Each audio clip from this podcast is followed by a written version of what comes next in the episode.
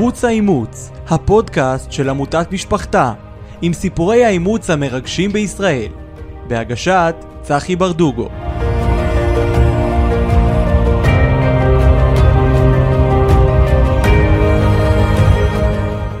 טוב, ברוכים הבאים לפרק נוסף של ערוץ האימוץ, אה, עמותת משפחתה.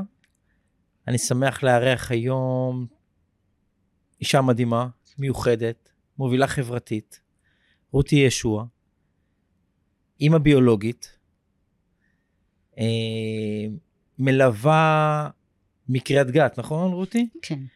מלווה הרבה אימהות ביולוגיות, ממש אה, אושייה בקהילה הזאת, ואני מצאתי לנכון שהיא חייבת להשמיע את הקול, היא כל כך פעילה וכל כך, כל התעשייה מכירה אותה וכל הקהילה מכירים אותה, היא כל כך פתוחה, היא אימא שהילד שלה נמסר, נלקח ממנה, נמסר לאימוץ לפני כמעט 39 שנה, נכון?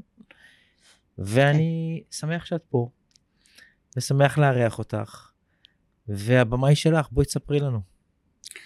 קודם כל, תודה רבה. לך, צחי, וכמובן בני סביל, ממשפחתה. ודווקא אני אתחיל בזה שמבחינתי היום לשבת על הכיסא הזה, זה עוד יום הולדת. זה לגדול עוד יום בחיים. כבן אדם, כאימא ביולוגית, ובמשך הזמן של הרעיון באמת תבין למה זה המשמעות מאוד מאוד גדולה עבורי. אה, דווקא אני אתחיל מהמקום של העבר, Mm-hmm. העבר הרחוק. ולכל אחד יש סיפור חיים משלו. ויש המון המון סיפורים, לכל אחד יש סיפור קטן, יש סיפור גדול, יש סיפור שמסתירים, ויש סיפור שהסתירו ומסתירים כל החיים. אבל אני אתמקד בעבר במשפחה שהגעתי ממנה. בהרצאות שלי אני אומרת כשהייתי בבטן של אימא, כבר שם, הרגשתי את החבטות והאלימות שאימא עברה מצד אבא. וואו, קשוח. כן, מאוד. זה אומר שכיום אני יכולה להגיד את זה בדיעבד גם, כי במיוחד שגם אני חוויתי הריונות, ואני מבינה והרגשתי מה זה החוויה ההריונית הקשה הזאת, לטוב ולרע. איפה נולדת? אני ילידת צפת, נולדתי ב-1962. אגיד לך את האמת, אף פעם לא ידעתי מה זה שנים, מה זה ימי הולדת, מה זה כל שנה. בגלל זה אני ממחישה מאוד את העלייה במדרגה בלהשמיע את הכל ולשים הכל על השולחן. אה, במשפחה אה, של, אצל ההורים שלי, אנחנו היינו 11 אחים, אחד נפטר בתאונת אה, עבודה, אבא שלי התחתן שלוש פעמים. באותם שנים לא היה קול, היה להביט בעיניים. להביט בעיניים זה מה אתה עושה. לא משנה, אין דבר כזה טוב. מה שאומרים לך אתה עושה. אבא לצערי הרב היה מאוד מאוד אלים. מה זה אלים? זה לא... אנחנו שומעים הרבה על אלימות. הנה עוד מעט יום המאבק הבינלאומי לאלימות נגד נשים. זה לשבת כמו שאני יושבת, אמנם אחרת, ולקבל בקבוק על הראש, סכין שעוברת עליך, מכות רצח. כילדה? כילדה, כילדה. כשבאתי לאוויר העולם הגעתי למציאות כזאת של אלימות. זאת אומרת שכבר הדור הקודם הגיע ממקום של חוסר מודעות, עם רגליים על הקרקע, לא היה שפה, היה אמונה, היה דת. היה אתה חייב, אתה צריך, אבל לא היה את המקום של אה, אהבה, משפחה, נתינה. ויתר האחים כן. שלך? אנחנו מדברים עליי כילדה שנייה ומתחתיי כל החי ואחיותיי. אני גידלתי את האחים שלי, הייתי כבר אימא צעירה. מה שאני לא הבנתי, אני ראיתי ב, אה, בספר שלך וב... ברעיונות שלך ובהרצאות שלך שאתה מדבר על ילדותי השלישית. אני רוצה להגיד לך שכל פעם הייתה דמות אחרת בתוך הבית של אמא שלי. כל פעם חשבתי שעובדת סוציאלית או עובדת רווחה או משרד החינוך או בריאות שהיו נכנסים לבית, הייתי בטוחה שהיא אימא שלי. גם לא קראו לי בשמי. זאת אומרת שתינוקת שבאה לאוויר העולם, מה היא צריכה? חום, אהבה, נתינה, לקבל כלים פשוטים, להתחיל את החיים. זה לא היה. משם בעצם הגעתי לשולחן ניתוחים כל החיים שלי. אימא שלי לא תפקדה. אימא שלי הייתה אישה מוכה, היא כבר דעכה, ובדיעבד היום הבנו במשפחה שהיה לה פיגור. אבל הוא לא טופל. מה שהדאיג אותי באותם שנים זה שכשאני הייתי, אה, הוציאו אותי מהבית למוסד נווה מיכאל, שהיום הוא לא מוסד, הוא נחשב פנימייה נהדרת, והוציאו אותי לאומן, זה להוציא אותי, להחזיר אותי, להביא אותי, מהפח לפחד. כילדה ממש. כתינוקת, כילדה, כנערה, עד גיל היום הזה שהייתי בהיריון ואני אתייחס אליו. זאת אומרת שאני הייתי רכוש של כל אחד ואחד. כשאני הייתי ילדה קטנה כבר מגיל אה, שמונה תשע כבר היה, הייתי בפגיעות מיניות מאוד קשות. עוברי אורח, אנשים שניצלו מאוד את השיקוף הזה של הילדים המסכנים האלה שנמצאים בבית. כאילו אני מסתכלת על התמונה של הבית ואני רואה כאילו כותרת זאת המשפחה הכי מסכנה ואפשר לעשות איתה מה שרוצים ואיך שרוצים. בצפת. בצפת, ילידת צפת. אה, לאותם שנים לא היה כלים, זו עובדה בשטח שאני קיבלתי דוח סוציאלי שכתוב עליו כל מיני דברים שקשורים, כל פעם שאני קוראת אותו אני מצטמררת, אני מרגישה היום שהייתי איזשהו שפן ניסיון בלשכת הסעד של פעם של צפת. אתה יודע צחי אתה תאר את, הילד, את האחים שלי לפני כמה שנים תגיד להם איך קוראים לאימא הם לא יגידו לך מסעודה הם יגידו לך ציפור יעקבי. אתה עובד סוציאלית שהסתובבה 24 שעות ביממה בתוך הבית. עכשיו אין לי שום דבר נגד עובדים סוציאליים אבל זה לא היה נכון לעשות את מה שהיה שם. אז בתור ילדה קטנה הייתי מאוד מאוד ענייה מאוד רעבה ללחם, למים. מה שמדברים היום עוני, זה לא עוני, זה שפע. זה שפע. כן. הייתי רעבה, הייתי הולכת ברחוב, לוקחת תפוח אוכלת, לוקחת אשל אוכלת. מי שהיה קורא לי ומביט עליי בעיניים כי התרגלתי שאומרים לי מה לעשות. אם לא את תקבלי מכות. אז הייתי הולכת איתו. לא הייתה מודעות. אמא שלי לא היה לה כלים לדבר בכלל, לא היה לה קול, אוי ואבוי אם תדבר. יש סיפור אחד שאני לא אשכח על אמא שלי, זה שאם היא הייתה רוצה שיהיה לנו לחם, וספגטי מקרוני הם היו קוראים לזה פעם, אז היא ידעה שאנחנו נקבל מכות רצח. אבא שלי עבד בבית ספר עמל, שהוא היה איש החזקה שם, והיא הייתה שולחת אותנו לשם להגיד לנו לכו תביאו מאבא לחם, אותי בכל אופן, תגידי לו שיביא לך כסף ללחם ולקנות ספגטי. היא ידעה מראש שכשאני אגיע הביתה והוא יגיע הביתה הוא ישבור עליה צלחת בקושי שלך, אבל היה אכפת לה מאיתנו. עם כל זה שהיא לא תפקדה, עם כל זה שהיא מאוד מאוד מאוד הייתה פגועה ולקחו לה את המקום שלה בתור בן אדם בתור אימא, אם זה הדודים, אם זה החברה, אם זה הממסד, לא נתנו לה מקום להיות מי שהיא, מה שהיא. כשמדברים על אישה מוכה, אני בתור ילדה יכולה לבוא ולהגיד מה זה לחיות בתור ילדה, בתוך בית של אימא שהייתה אישה מוכה לאחד המשפחות הכי קשות בצפת. הכי קשות. עלי אדמות. עד כדי כך שעובדים סוציאליים לא רצו להתעמת עם אבא שלי. פחדו ממנו. הוא היה מאוד מאוד אלים. לא עצרו את זה. גם לאימא וגם לכם. גם לאימא וגם לנו. אנחנו סבלנו מאוד, היינו הולכים לבית ספר עם בגדים קרועים. שלא נדבר היום, מדברים הרבה על סטיגמה של ילדים, איזה פגיעות יש. אתה יודע איזה פגיעות אני עברתי? לקרוא לך כל היום, תראה, אתה אוסף את זה בתור תינוק, ילד. הדרך הזאת היא הולכת איתך כל החיים, היא לא נמחקת. קראו לי אה, כינמת, קראו לי, הנה הילדה עם הקוצים, קראו לי הילדה עם המ- המסריחה הזאת, הייתי מגיעה עם כל זה שהיו משרדי רווחה, הייתי מגיעה כולי מסריחה בפיפי לשולחן, לשולחן הבית ספר. ילדה בסיכון ללא סיכוי.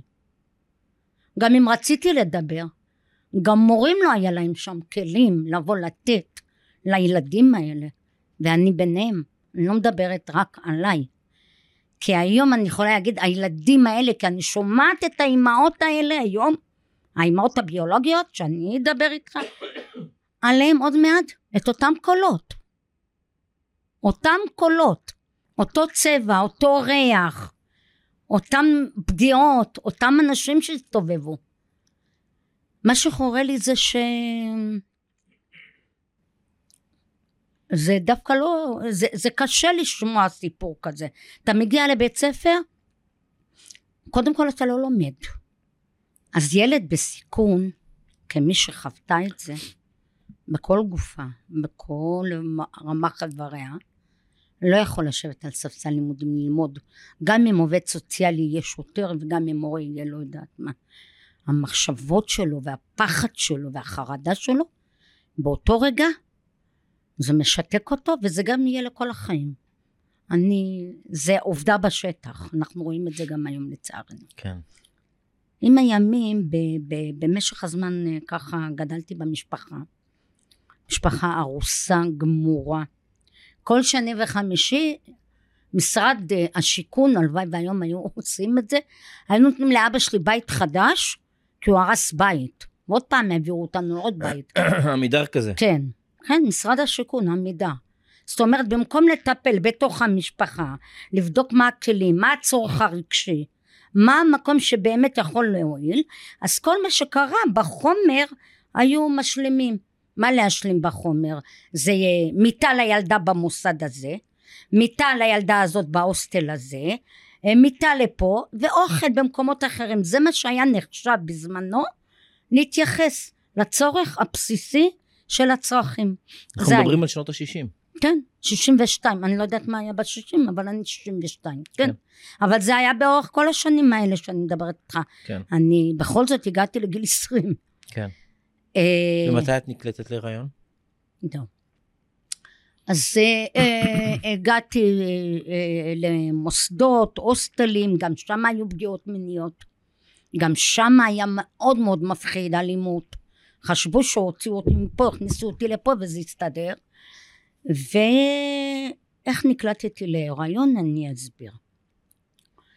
אה, קודם כל, לפני שאני אגיד איך נקלטתי להיריון, לעולם לא היה אדם אחד בממסד או איזו עובדת סוציאלית או איזה מטפלת או איזה מישהו שבא ואמר לי משהו על גוף האישה. מה זה מחזור? מתי מקבלים מחזור?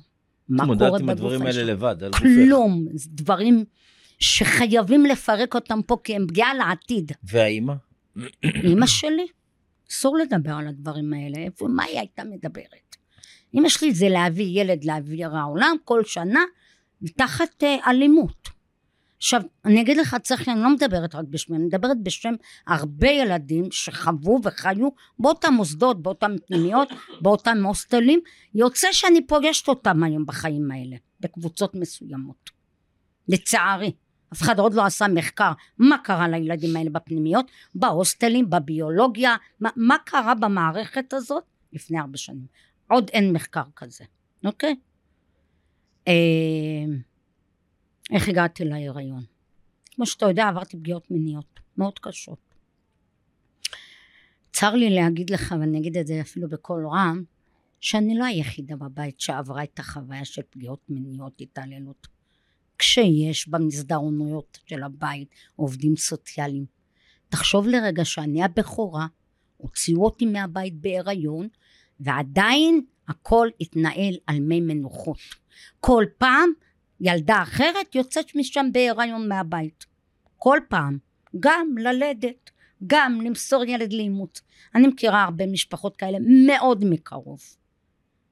עכשיו, כשהגעתי למוסדות ולפנימיות עברתי גם אונס. אף אחד לא יודע על שום דבר, רק מה? בפנימיות ובמוסדות באותם שנים היו אומרים אוי ואבוי למי שיגע בבן או בת או בת בבן עוד אלימות יש לנו את הקולות האלה שהם בתוכנו אסור לדבר ודברים כאלה. אני אחזור לאימא שלי ולגוף. לצערי הרב הייתי שמה דברים הייתי חושבת מחילה מכבודך שיורד לי דם שמה דברים. היא ילדה עוברת אונס תעללות מינית וגם הריון ועדיין היא לא יודעת מה זה גוף האישה. מה קורה? משבר על משבר הכל בתקופת ההיריון שלך כבר. הכל בתקופת ההיריון באיזה גיל וגם לפני ההיריון זה היה בגיל 16 כשנקלטתי להיריון בערך 16 16 וחצי בערך. אה, איך גילו שאני בהיריון? אני אומרת גילו כאילו גילו מחלה וככה זה היה. לפני שהיה את ההיריון הזה אני לא הייתי מדברת שנים לא דיברתי. זאת אומרת היה אסור לדבר הגעתי למצב של כאילו אילמת. מדברים איתי אני לא פה כאילו הגוף שלי מחוץ לנפש שלי. מדברים מדברים ואני לא פה. החליטו לשים אותי בבית, ב, בטיפול פסיכולוגי בפסיכיאטריה בצפת בגיל מאוד צעיר לפני ההיריון. שמו אותי שם לטיפולים הפסיכולוג מדבר ואני שותקת. שנים. לא יום לא יומיים לא. אין חיבור בכלל. ואז יום אחד קיבלתי התקף חרדה מאוד מאוד קשה הייתי בטוחה שזה התקף לב ממש כאבים חזקים ופינו אותי לבית חולים כשהייתי במסגרת הבית פעם בבית פעם זה היה בבית פינו אותי לבית חולים עשו לי בדיקות וזה וגילו שאני בהיריון בדרך כלל זה, זה, זה משהו של בשורה משמחת דווקא שם זה היה בשורה של... איך קיבלת את זה? של אבל, לא של אה, זה. ידעת ממי? לא, תכף. אני אגיע לזה גם. אני אגיד לך, חשוב לי להגיד את הפריטים הקטנים האלה, כי הם מאוד חשובים לעתיד של כל אימא ואימא. אה, איך שעשו בדיקות, הביאו את הבדיקות, גילו שאני בהיריון, ונכנסה קבוצה לתוך החדר, לחדר של בית חולים במיון, כמעט עשרים אנשים. והם מדברים בינם לבין עצמם, זה עובדים סוציאליים, רופאים וכל האנשים שם, מדברים בינם לבינם, אני במיטה משותקת, כאילו אני לא נמצאת, והייתי בטוחה שעוד שנייה אני מתה, והם דנים מאיפה לשים אותי באיזה קבר, ואף אחד לא פונה אליי, לא אומר לי כלום. הם יוצאים מהחדר, אחת מהם נכנסת עובדת סוציאלית, ובאה ואומרת לי, תקשיבי, מחר בבוקר אנחנו מוציאים אותך מהבית, את עושה בדיוק מה שאנחנו אומרים לך. כמו שאתה יודע, אני רגילה לעשות בדיוק מה שאומרים לי. נערה בגיל 16 וחצי היום פותחת את הפה כמו לא יודעת מה. וכמובן עשיתי את מה שזה. מעלה פוסט. כן, בדיוק, מעלה פוסט ומדברת על, על כל מה שכואב לה, מפריע לה. ואז העובדת סוציאלית אמרה לי, שגילינו שאת בהיריון, בשפה הזאת אני שומעת את המילים. גילינו שאת בהיריון ואנחנו צריכים להוציא אותך מהבית. אתה חושב שהבנתי מה היא אמרה? לא. ראיתי את אמא שלי בהיריון, אבל לא ידעתי מה זה הריון. אין לי מושג. אנחנו חיים על לחם ומים ולשרוד, וזה מה שידעתי. אוקיי, עשיתי מה שהיא אמרה, הלכתי לישון, קמתי, כאילו כל הלילה אני זוכרת את זה, פחד אימים. אם אני אצא מהבית ואברח מהבית, אבא שלי רוצח אותי, פחדתי מהמילה הזאת של רצח, אני אזרוק עלייך סכין, אני אזרוק עלייך בקבוק, אני... האלימות הזאת היא מאוד מאוד מאוד... זה היה פחד או בושה? כל הזמן זה פחד, אבל קצת יותר מאוחר זה יותר פוגע בבושה. באותו רגע ילד מאוד מאוד פוחד, הוא עוד לא יודע מה זה בושה בגילאים האלה. יותר מאוחר, הבושה גורמת למקום של אתה מתרסק לכל החיים. אתה לא יכול לברוח מזה. חוסר האונים, הבושה, הסטיגמה, כל הרגשות השליליים האלה. ובאמת קמתי בבוקר מוקדם, אני זוכרת כמו אתמול, אני לא למדתי קרוא וכתוב, לא הייתי במקום של להיות פנויה, ציונים על הפנים, כתבתי בשתי מילים, אמא ואבא אמרו לי ללכת מפה, הלוואי והייתי מוצאת את הפתק הזה, ויצאתי.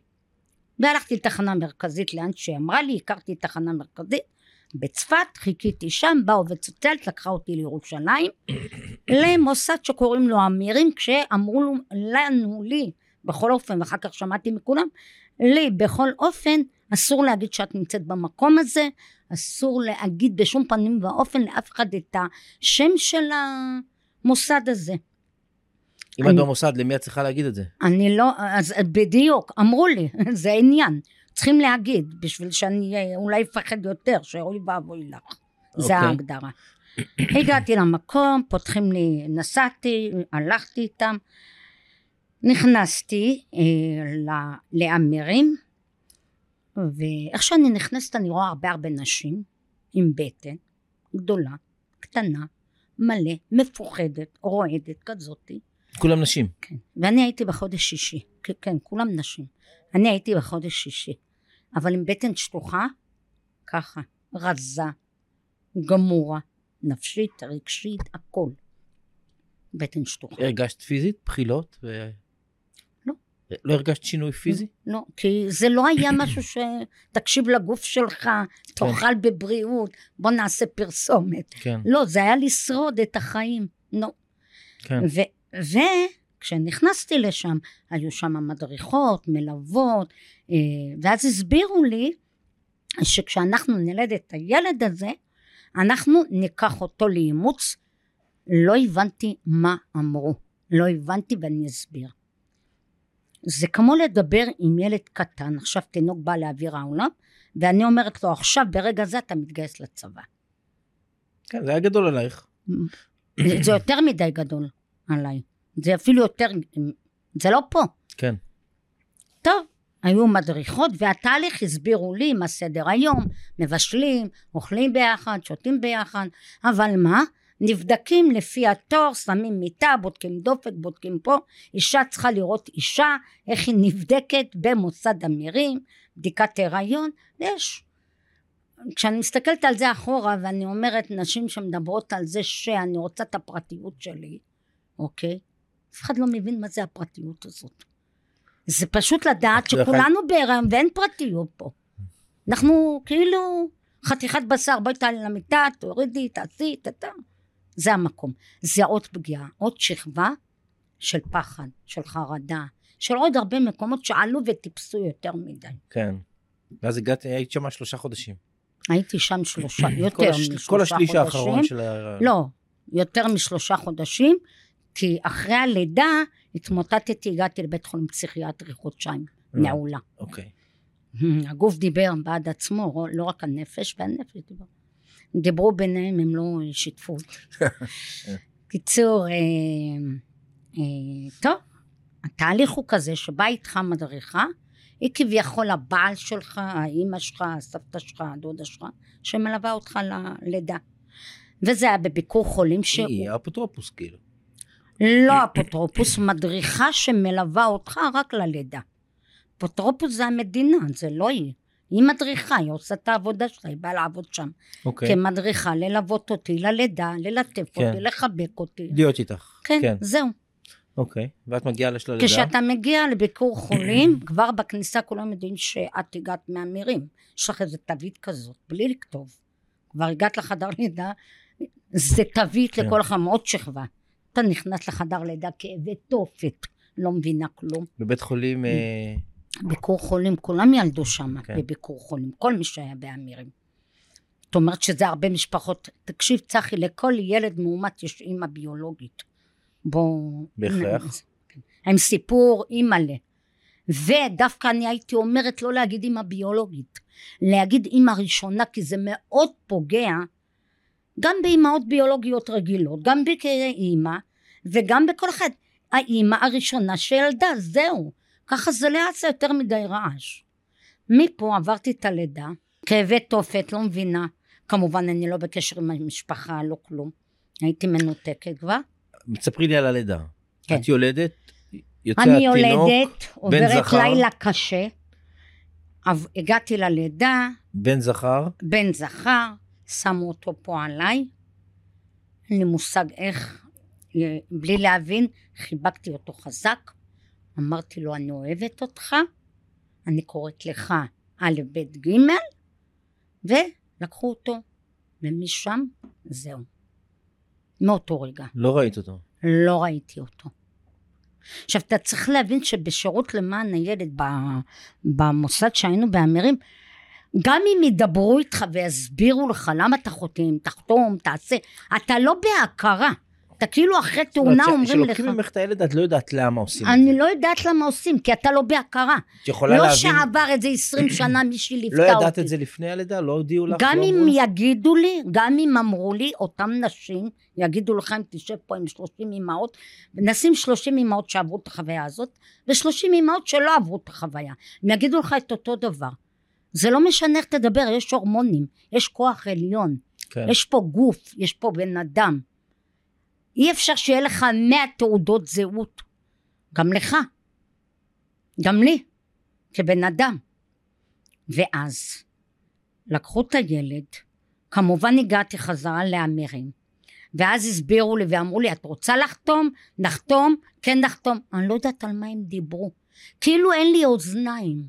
אבל עזבי איך הבעת את זה ומה אמרת. אני רוצה לדעת מה הרגשת. מה הרגשתי? מה הרגשת? הרגשת שאת רוצה את הילד חזרה? את אה, מחכה לילד? היית בתחושה שאת אה, אמורה לקבל את הילד חזרה? מה הייתה התחושה שלך עם עצמך?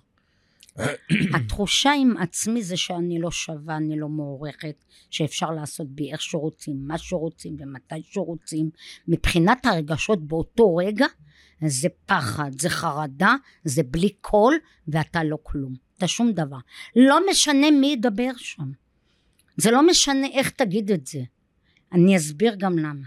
אם ילדה כמוני, אחרי כל כך הרבה שנים, לא עברה טיפול נפשי, לא קיבלה כלים, היא תמשיך ככה לדורי דורות. לדורי דורות, וגם הילדים שלה ימשיכו הלאה, ואתה תראה, ואני מוכיחה לך את זה במשך הזמן. לא לקבל טיפול נפשי, שושלת של. הזנחה. פגיעות מיניות, ואונס, והורים שחוו מה שהם חוו והעבירו את זה עלינו, של הרבה פרצופים בתוך החיים שלך, אין לך תעודת זהות, וגם להגיד לך שבגיל 18 אתה עצמאי במדינת ישראל. מאיפה? מאיפה אתה מתחיל? אני אתקדם למקום הזה, מהמקום הזה. אוקיי, וזהו, סיימתי שם. הגעתי ל... לבית חולים פסיכיאטרי, התמוטטתי, לא אכלתי וזה. אחרי חודשיים אה, הסכמתי לאכול וכל זה, העבירו אותי לעוד הוסטל. ההוסטל הבעיה זה כל מי שאין למדינה מה לעשות איתו, שמים אותו בהוסטל הזה בשביל לשקם אותה. כאילו הייתי עבריינית, עכשיו משקמים אותי. כל החיים שלי אני עובדת, מנקת הבית. קשר עם ההורים? אין קשר עם ההורים. ההורים שלי, אבא שלי, כל הזמן ניסה לחפש אותי. הוא דיבר עם דוד שלי שהוא היה ראש עיר, שהוא ניצל את המעמד הזה. הם היו תופסים את אבא שלי כאליל. בסוף אבא שלי ידע איפה אני נמצאת, אוקיי? וכשאבא שלי ידע איפה אני נמצאת, הוא פנה להוסטל הזה. אבל אני לא הייתי כל כך בקשר איתו, כי אני אגיד לך את האמת, משפט חזק, שאני אומרת אותו לעצמי כל היום, פחדת. לא, כשהילד הזה נולד, אני נולדתי. כבר הייתי רחוקה מהזוועות שם.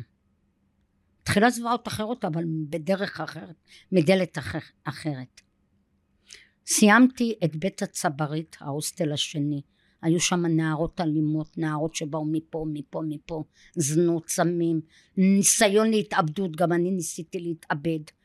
הדרכה מתחת לכל ביקורת באותם שנים, אוקיי? מדברת רק על אותם שנים. זה לא ספציפית כי העובדת סוציאלית הזאת לא הייתה בסדר, מדיניות, אוקיי? התקדמתי משם, ואז החלטתי בתוכי, ככה למדתי לפי מה שהיה שם, שאני יותר לא פה, לא רוצה ממסדים. צבא? את- לא איזה צבא, לא שירות לאומי, לא צבא, לא כלום, הלוואי. מערכות יחסים? כלום, שום דבר, שום מערכת יחסים בריאה וזוג של אהבה ולהקים משפחה, הבן אדם היחידי זה היה בעלי עד עצם היום הזה. מתי זה היה? אז זהו, בדיוק עכשיו אני מספרת. זה היה בדיוק אחרי שעזבתי את ההוסטל הזה, החלטתי להשכיר דירה, להקים את הבית הפרטי שלי, לכן קוראים להרצאה, להרצאה שלי הבית של רותי, כי אני בוחרת בו ואף אחד לא בוחר בו. ואז אה, שכרתי דירה, עבדתי בהרבה עבודות, מזדמנות ופה ושם, שטיפה, רצפה, מדרגות, הכל לפרנס את עצמי. עם הזמן הכרתי את בעלי, הוא עבד במעון אמונה, איש החזקה. איך שהוא הסתכל, התאהב בי וזה, והם היו חבר'ה, ואני אמרתי לעצמי, לא מוכנה לצאת עם אף אחד. גברים מבחינתי, לא רוצה לראות. זו פגיעה. פגיעה מסוימת, בחוסר אמון מוחלט מול גברים. או מול נשים, או מי שזה מי שפגע בך. זהו, נמחק, אין אמון. ואז לאט לאט הוא ידע איך להגיע אליי, ואז סיפרתי לו את כל סיפור. מתי? בכמה היית? הייתי אז בת כמעט עשרים ואחת וחצי, משהו כזה. יותר בוגרת. ו... איך הוא קיבל את זה? ובא לי סיפרתי לו הכל, וכל פעם בהרצאות אני גם אומרת את זה. הבן אדם הראשון שאמר לי שאני אוהב אותך, ואני לא מתחתן עם העבר שלך, זה היה בעלי. זה היה מצמרר, זה, זה היה שמח, זה היה כואב, זה היה תחושות רגשיות שקשה מאוד להסביר אותן. אתה יודע מה זה עד גיל 21, אף אחד לא אמר לך כזה דבר? לא חיבק אותך בלי לנצל אותך? מאוד קשה. נורא. ומשם התחלנו דרך חיים, אני ובעלי. התארסתי, התחתנתי, אבא שלי לא רצה לבוא לחתונה, אני עשיתי את הכל, מהכל. למה הוא לא רצה? שהוא יסכים. אדם שהוא אלים ובמצב כזה, ואלכוהוליסט גמור, שלקח את הכסף שלי, גם עבדתי מגיל מאוד צעיר, הוא היה לוקח את הכסף שלי, משתמש לטיפה המרה שלו, וכל הזמן מר לו בחיים. ואימא שלך? ואימא שלי יושבת על הכיסא וחוטפת מכל מיני כיוונים. אין אף אחד שיטפל ויעשה, אין דבר כזה. איך בעלך קיבל את העובדה שיש לך ילד שהוא לא איתך? כמו שאמרתי לפני רגע, אני לא מתחתן עם העבר שלך, לא יוצא איתו. הוא לא לקח בחשבון, הוא לא שאל אותך, לא לקח בחשבון שיבוא יום והילד יחזור? לא יודעת מה הוא חשב, לא יודעת מה הוא... לא דיברתם על זה? לא, דיברנו בעתיד. באותו רגע, לא יודעת מה. זה עשה משהו באוויר, כנראה משהו בעניין של זוגיות ואהבה בהתחלה, כאילו אה, משהו מטושטש. לא רק במקרה שלי, בסיפורים שלי, לפעמים יש אהבה, ולא רואים מה התכולה, ורק אחר כך בעתיד אתה מבין שזה לא בדיוק זה. כמנחת הורים זוגיות ומשפחה אני מבינה שיש את הרגעים האלה היפים האלה, יש התאהבות, יש אהבה, אבל. איכשהו לא נשארים עם האהבה לצערי, נשארים קצת עם ההתאהבות וצריכים לעשות עבודה מאוד קשה. אבל יכול להיות שהוא חושב, הוא, הוא הרגיש משהו, היה לו מחשבה בראש, היה לו איזושהי, אה, איזושהי תפיסה לגבי העניין הזה. יכול להיות שהוא הציג לך את זה אחרת ונתן לך את הביטחון ואת החום ואת האהבה שאת אומרת, לא.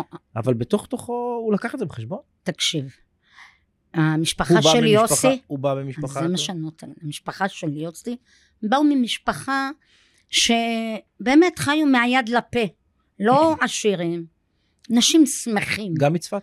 לא, ירושלמים. בא לי ירושלמי.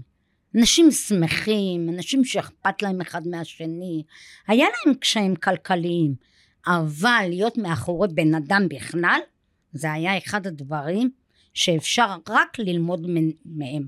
את דיברת איתו על זה, רותי? ש... דיברתי, דיברנו הרבה... עם השנים, לאט לאט, עם השנים, כן, דיברת איתו? זהו. דיברנו על זה, אה, אתה יודע כמה הוא מושך, אפילו היום, כמה שיותר להתקרב ולקרב את הבן שלי, תכף אני אספר על פתיחת האימוץ, תיק האימוץ, גם לא היה אכפת מה, מהמשפחה שלו, ההורים שלו היה אכפת להם מהסביבה, הוא גם עזב את הבית, הוא רצה משהו אחר בחיים שלו, גם הוא היה נודד, גם הוא עבר דברים, גם הוא לקח כל מיני דברים בחיים האישיים שלו וזרם לכיוונים קצת שליליים ואחר כך חזר ללא שלילי, אבל, אבל ממקום שהוא התאהב והיה אה, אה, ממש אהבה אמיתית ועד היום, בדיוק לפני יומיים היה לי יום נישואים של 35 שנה. די, מזל טוב. תודה. אז זה, כתבתי אפילו, אפילו בפוסט היום, אני אוהבת אותו יותר ממה שהכרתי אותו. כי זה עבודה. אהבה זה עבודה, אין מה לעשות. וגם להם היה קשיים, אבל לא היה אלימות. תגידי לי, רותי, יש לך ילדים איתו ביחד? כן, בטח. כמה ילדים? בדיוק נכנסת לזה. יש לנו שישה ילדים ושבעה נכדים. וואו. ואני אה, באמת אה, הקמתי בית שהלוואי עליי לפני שהכרת את הילד, והוא פתח את התיק, לפני שהוא פתח את כן. התיק, את סיפרת להם? אז זהו. בתחילת אה, הנישואים שלנו, כמובן כשילד בא לאוויר העולם, בהיגיון אין מצב, טוב, ברור. אבל אני רוצה להגיד לך שמהיום שהבת שלי ליאת נולדה, לפני שהיא נולדה, כשאני הייתי בהיריון, עברתי טראומות, סבל ואיסורים כאלה, שלא המדריכה הייתה איתי ולא עובדת סוציאלית, לא. אני והכרית ובעלי, הייתי צועקת בלילה שלא ייקחו לי את הילדה. אז הוא היה אומר לי, אל תדאגי, אני פה. אף אחד לא ייקח לנו אותה. יאללה. כל ההיריון, כל יום הולדת שלו, לא היה פעם אחת.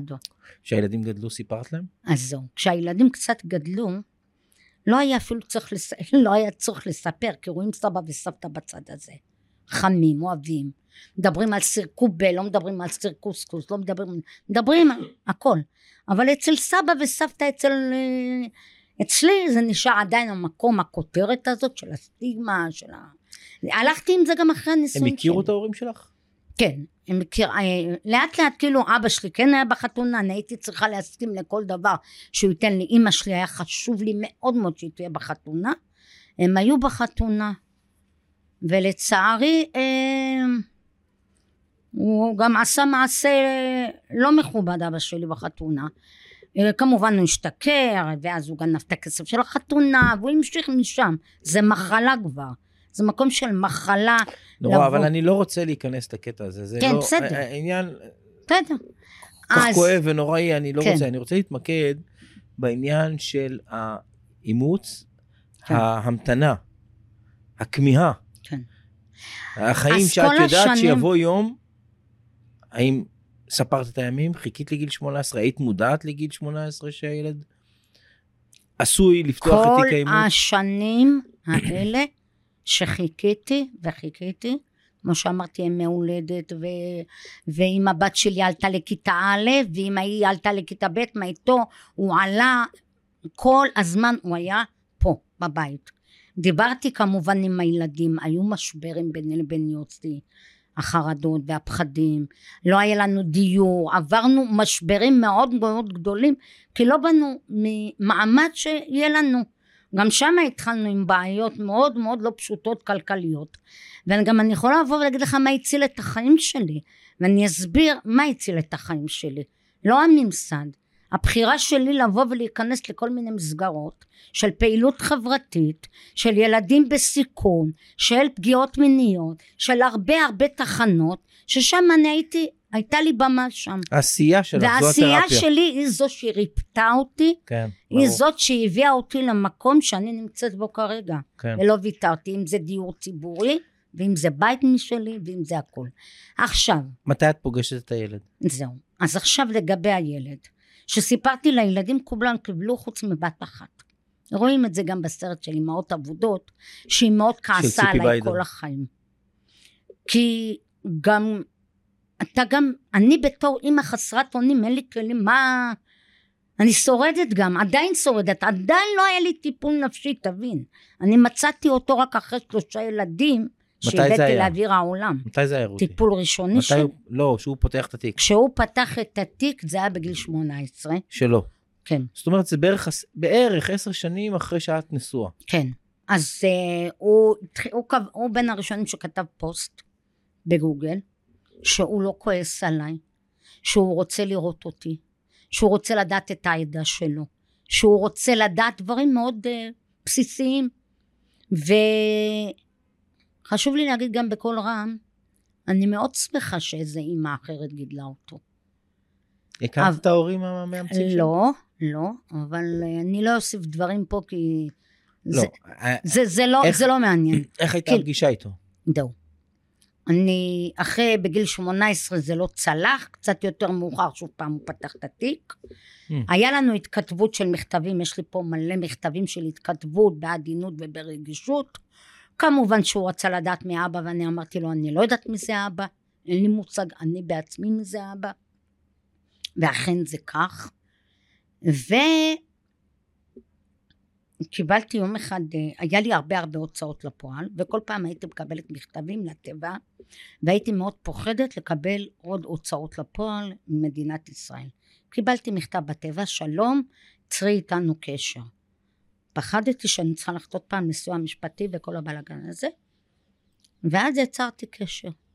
פעם ראשונה בחיים אבל פעם ראשונה בחיים שמעבר לקו הייתה אישה מדהימה שדיברה בצורה רגישה שהיא בן אדם לפני הכל ואחר כך היא עובדת סוציאלית. וקוראים לה יעל. והיא פנתה אליי ברגישות לא האמנתי שיש עובדים סוציאליים כאלה. באמת. בעניין ה... בעניין המכתב שהיא שלחה. היא שלחה אותו. כן. פתחתי אותו, יצרתי, התרגשתי מאוד, היא אמרה לי תקשיבי, הוא מאוד רוצה לפגוש אותך, אה, בואי נשב. פעם ראשונה גם בשירות הזה מישהו מגן עליי. פעם ראשונה היא באה אומרת לי, ואני מתלהבת, וואי יואי זה זה. היא אומרת לי רגע תעצרי, קודם כל אני ואת ניפגש. אני רוצה לשמור עלייך, אני רוצה שנדבר, איך זה יהיה, מה יהיה. זה באמת כן. ממש תיקון עולם פה. נכון. ממש תיקון עולם. ל- נכון. ואז הגעתי, ובאמת היה בינינו תהליך של חצי שנה, גם לי וגם לו, בשירות למען הילד, יאמר לזכותם, אבל לעולם לא ידעתי שצריך לשים מכתבים. לעולם לא ידעתי שום דבר משירות למען הילד. אף אחד לא היה איתי בדרך הזאת. ואז, הגיע היום שאנחנו צריכים להיפגש, ואני יכולה להרשות לעצמי להגיד שבמדיה אתה מוצא כל אחד ואחד, אוקיי? ואז... היום כן. כן. היום אה, גם ברשתות החברתיות, או בחוקר פרטי, או ב... כן. אז DNA אני רוצה בכלל. להגיד לך יום לפני כבר, יותר מאוחר, ידעתי שהבת שלי ידעה מי הוא, לפניי. מהסקרנות. אה, היא מצאה אותו והיא לא אמרה לך. לא.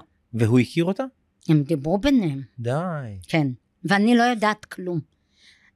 אבל מה, היא איך ילדה. היחסים שלכם היום? היא ילדה, היא ילדה, היא התחתנה, היא מדהימה, היחסים שלנו יותר יפים מאי פעם בחיים. והיחסים שלך עם הילד? מדהימים, מדהימים. אני חייבת כן לבוא ולהגיד שכשהיה הפגישה הראשונה, מה, הוא בן 39 היום, הוא נשוי? כן, הוא לא נשוי. הוא עובר, והוא בקשר טוב עם ההורים? אוקיי. אני לא אכנס לזה. ואתם... אה, ואיך הוא בקשר עם האחים? עם הילדים? בסדר גמור. ששת הילדים שלך? בקשר, תראה, הבנים והבנות? כן, תראה. הם בקשר הרבה, הוא פחות. ואנחנו מכבדים את זה. Mm. אני לא קוראת לו, הבן שלי, אני איך הוא קורא לך? לא נותנת לו, לפעמים מאמה, לפעמים אימא, כל אה? פעם משהו אחר, כן? אה, אבל אני באמת באמת מאוד מוקירה ומעריכה את מה שעשו למענו. אה, אם אתה שואל אותי אם היה צריך לא לקחת לך את הילד, הייתי אומרת לך, לא היה צריך לקחת לי את הילד. כי האובדן שהוא עבר, והאובדן שאני עברתי, זה לשלם מחיר לכל החיים. ושילמנו. שתינו ה- שילמנו. אם הילד היה נשאר איתך, אם היה- הילד היה היה לו במסגרת... טוב או שהיה לו פחות אם טוב? הילד היה מקבל, כמו המסגרת של היום, אימוץ פתוח, טיפול בשבילי, אני גידלתי שבעה ילדים אני מדהימים. חייב להגיד לך משהו על זה, רותי, תסלחי לי. אה, אני בכל מקום שיש לי אפשרות להביע את דעתי בעניין הזה, גם במאמרים וגם ברעיונות, אני לא חושב שיש אימא שמוסרת ילד לאימוץ. גם לא אימא שבצר לה נלקח ממנה הילד. יש אימא שנמצאת בייסורים ובכאב ובמצוקה בלתי נתפסת, ואין ממסד שמזהה ומכיר את זה, ואין ממסד שנותן לה תמיכה וליווי, וגם אין בני משפחה, אבל עזבי ברגע את בני המשפחה, אני מדבר על המדינה. והיא נאלצת לעשות את הדבר הנוראי הזה, בעל כורחה. גם אם לוקחים לה, וגם אם היא אמנם חותמת על מסירה לאימוץ. אני חושב שאין אימא שמוסרת ילד לאימוץ. אין דבר כזה. צחי, זה לא יכול אני לקרות. אגיד לך יותר מזה. אני קמה בבוקר ואני אומרת, בדמעות, אין אימא שקמה בבוקר ואומרת את המשפט, עכשיו אני הולכת להביא ילד לאוויר העולם, ואני הולכת לעשות לו את המוות בחיים, וזורקת אותו לא יודעת לאן, כמו שתיארת את זה. וכשאתה מדבר על זה, כי אתה לא אימא, אתה בן ילד מאומץ, שחווה גם חוויות, לכאן ולכאן, ובסוף זה יסתדר איכשהו, אבל כבן, כאישה זה דבר של כוח עליון שלא ניתן בכלל לתאר כמה סבל וחוויה קשה אפשר לעבור בזה. אני חושב שאימא שמסרה את הילד או הילד נלקח ממנה, זה אדם נכה, הפכו אותו לנכה רגשית. וצריך להכיר בו. וזה חוליה חלשה של המדינה. נכון. ואני לא הכרתי את אימא שלי, הביולוגית. אה, רק שמעתי עליה דברים נפלאים. ואני בדעה שאם אני הייתי פותח את תיק האימוץ בשלב מוקדם יותר, כי אני פתחתי רק בגיל 47, ואם הייתי פותח בשלב מוקדם יותר שהיא עוד הייתה בחיים, לדעתי היא הייתה מבין ה-20% מהאימהות הביולוגיות שמסרבות להיפגש עם הילדים שלהם הביולוגיים, כי זה היה מטלטל את החיים. נכון. אולי עם הזמן היא הייתה מתרככת ו... וכן היינו נפגשים, אבל לדעתי היא הייתה מסרבת, אי אפשר לדעת, אבל זו הערכה שלי. אני חושב שהיא מעולם לא חשבה שהיא העריכה את עצמה ולא ראתה את עצמה כאימא מאז שהיא מסרה את הילד לאימוץ. היא לא שווה. היא לא. אני יכולה להגיד לך את זה בתוך המשפחה שלי. אני היחידה. היא הייתה פצועה, פשוט פצועה כן. ומיוסרת. נכון. ולא היה אף אחד שהיא הייתה צריכה פשוט להסתדר עם המציאות ולהרים את הראש, והיא נכנסה מהר להיריון והתחתנה ובנתה לעצמה חיים וארבעה ילדים מדהימים. והייתה צריכה להיות שם בשבילם, אבל בתוך תוכה היא פצועה ומדממת. לגמרי, מסכימה איתך בכל מילה. רוצה להגיד לך שאני היחידה בין האחיות שלי שהלכתי עם זה עד הסוף. ואני לא אשכח את זה בחיים שלי שהייתי במרכז. אה, סיוע לנפגעות תקיפה מינית ופעם ראשונה סיפרתי את הסיפור חיים שלי קיבלתי את התמיכה הכי ענקית אם זה טיפול אם זה קבוצות איפה שהתחלתי להיות פעילה חברתית בנושאים הפרטיים שלי השארתי שם חותם וגדלתי משם ובעצם כל השנים האלה שדיברתי על עוני והדרה חברתית והייתי במסדרונות הכנסת ופעילה עמית בירושלים וכל מה שקשור ברווחה ונתינה ולהשמיע ולשמוע את האדם שהוא צריך את המקום ולא שאתה תגיד לי איך לחיות אף פעם לא דיברתי על הילד באימוץ. כי במדינת ישראל כשדיברו לפני הרבה שנים לא דיברו על אונס היה מפחיד לדבר אותו דבר היום היום לדבר על שאימא ביולוגית, ביולוגית תגיד שאני אם ביולוגית, יותר קל להגיד נאנסתי, או פגעו בי מינית, מאשר להעלות את זה על דל שפתיך, זה לא רק הממסד, זה עדיין נמצא בחמש אחוז ואפילו שום מחקר. אתה יודע למה הרמתי את הקול הזה? כי ראיתי את הסבל של הילדים שלי. כמה הם סובלים מזה שאני מתייסרת. אני מתייסרת, גם אם אני אלך מיליון טיפולים אני מתייסרת, הוא לא פה. גם הוא מתייסר. נכון. ואז במקום הזה לאט לאט הבנתי שאם אני לא אהיה חזקה, אז גם הבית שלי יהיה אולי לא כמו שהיה בעבר, אבל הוא יתפורר. הוא לא היה רחוק מזה. אני בין הבנות היחידות במשפחה שלי שעשיתי את המעשה הזה. ועד שיום אחד אחרי שהילד אה, נפגש איתנו אה, יום לפני כן יום לפני אז שאלתי את עצמי מה אני הולכת לראות? אני התמונה שלי בעיניים שלי התינוק הזה פה קטן. מה אני הולכת לראות? מה אני אגיד לו? מה אני אעשה? אז הדבר הראשון שאמרתי לעצמי, לעצמי אמרתי איך שאת רואה אותו את רק מחבקת אותו. רק מחבקת אותו. מדהים וחיבקתי אותו חזק והוא מרגיע אותי אומר לי לא אל תבכי זה בסדר היום. עד היום עד היום. אני חייב להגיד לך עוד משהו ממש לפני סיום אני כל מה שאמרתי על האימהות הביולוגיות אני גם חושב על האבות הביולוגיים. לגמרי. אני מחריג כמובן כמובן מקרה אונס זה החרגה ברורה אבל uh, אבות ביולוגיים צריכים לקבל את המעמד, זה מקרה שונה, ואני לא ארחיב את זה פה ולא אדבר על המקרה שלי, זה בטח, ומקרים אחרים רבים שאני יודע, אני בקרוב אארח פה גם אב ביולוגי. אמ, אבל חייבים לשבת אה, ולארגן ולדייק ולנסח אה, מעמד ברור למאומץ, לאימא הביולוגית, קוראת לאימא הראשונה, ולאבא הביולוגי. נכון. וזה רק אה, פעילות חברתית, ממסדית, מדינית. וחוקתית. וחוקתית, שאני לא בואי נראה מוותרת מי יהיה שר עליה. הרווחה עכשיו. ובדיוק, ואני לא מתכוונת לוותר. אני אמרתי לעצמי, אני עד יום מותי לא הולכת לישון עד הילד האחרון של ילד בסיכון, זה מהבחינה הזאת, וגם עוד דבר, שאימהות ביולוגיות בגיל 70 ו-80 ו-90 הולכים לעולמם והם מחכים עדיין, נשארים למעלה בשמיים בלי לראות את הילד. כן, זה קשה, קשה, קשה. והדבר האחרון שאני רוצה להגיד, צחי, שזה מאוד מאוד חשוב, ואני קוראת פה לכל אם ביולוגית, תפסיקי לשמור את הסוד הזה, כי את פוגעת בעצמך, טפלי בזה. ויש כנס ביום חמישי, הכנס התשיעי של משפחתה. שלוש שנים אנחנו האמהות ביולוגיות נמצאים שם כמשפחה. לפני שלוש שנים לא קראתי לזה משפחתה, היום אני יכולה לקרוא לזה משפחתה. ואני קוראת לכל אימא, אנחנו קבוצה של 40 אימהות שאני מלווה, שאומרת, ביחד מדברים על כל נושא, כל סיפור, עוזרות אחת לשנייה. יש לך אתר, עמוד פייסבוק, אפשר בטח. להגיע אלייך בכל דרך. כן. רותי, תודה רבה. ותודה רבה לכם שצפיתם והאזנתם לפרק מרתק אה, של ערוץ האימוץ, וניפגש בפרק הבא.